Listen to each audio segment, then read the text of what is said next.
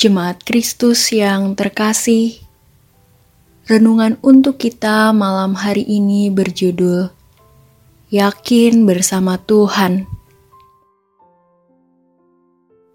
Dan bacaan kita diambil dari kisah para rasul 21 ayat 8 hingga ayatnya yang ke-14. Beginilah firman Tuhan.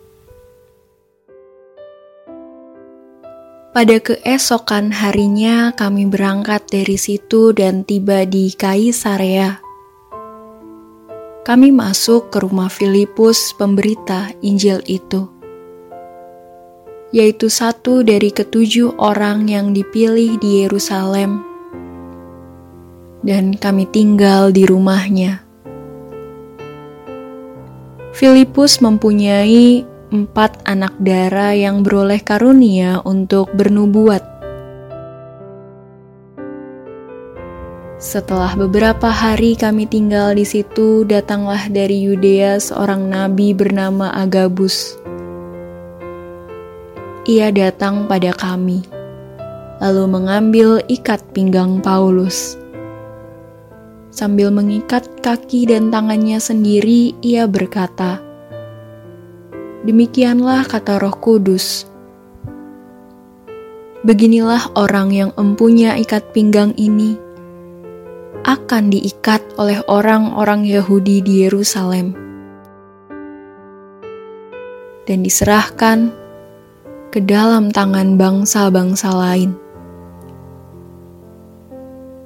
Mendengar itu, kami bersama-sama dengan murid-murid di tempat itu meminta supaya Paulus jangan pergi ke Yerusalem.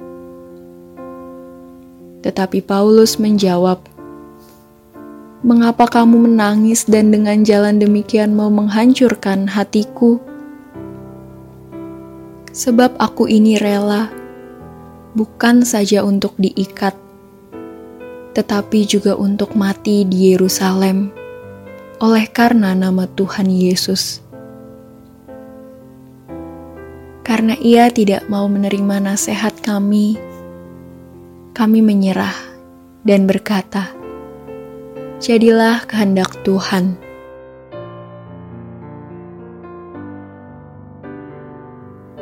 Menghadapi sesuatu yang tidak pasti saja bisa membuat kita gentar dan ragu untuk melangkah maju. Apalagi kalau kita sudah tahu pasti bahwa apa yang kita hadapi berpotensi besar untuk menjadi sesuatu yang buruk. Mungkin hanya sedikit orang yang akan tetap bersedia menghadapi hal itu. Sebagian besarnya pasti akan memilih jalan lain yang sebisa mungkin menghindari malapetaka tersebut. Berbeda dengan Paulus saat ia mendapatkan penglihatan dari seorang yang dikatakan nabi bahwa ia akan menghadapi malapetaka di Yerusalem. Ia sama sekali tidak gentar, bahkan menegur para murid yang mencoba menghalanginya untuk tetap pergi ke Yerusalem. Apa yang dilakukan oleh Paulus ini tentu bukan wujud modal nekat belaka atau sebuah tindakan yang sembrono.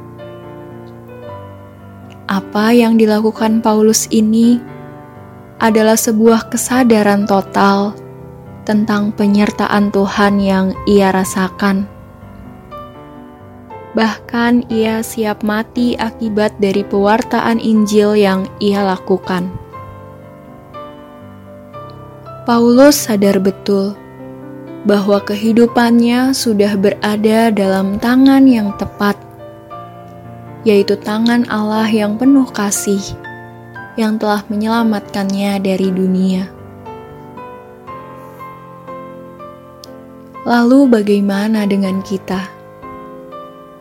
Apakah kita gentar menghadapi persoalan hidup kita? Apakah kita takut untuk menghadapi setiap hal yang sedang terjadi pada diri kita? kita tidak percaya pada penyertaan dan pertolongan Tuhan, atau sebaliknya? Apakah kita mau beriman seperti Paulus dan memiliki sikap serta nilai hidup seperti Paulus? Bahwa menderita dalam Kristus bukanlah sesuatu yang sia-sia Menderita karena Kristus itu berarti kita memperjuangkan kehidupan agar tetap seturut dengan kehendaknya, bukan kehendak kita sendiri, apalagi kehendak dunia. Tetaplah melangkah walau sukar. Tetaplah percaya bahwa pertolongan Tuhan selalu tepat waktu percaya pada penyertaannya.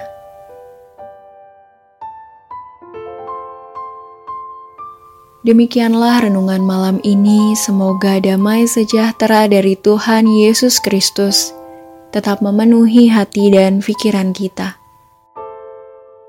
Amin. Jemaat yang terkasih, mari kita bersatu hati menaikkan pokok-pokok doa yang ada dalam gerakan doa 21 GKI Sarwa Indah. Mari berdoa.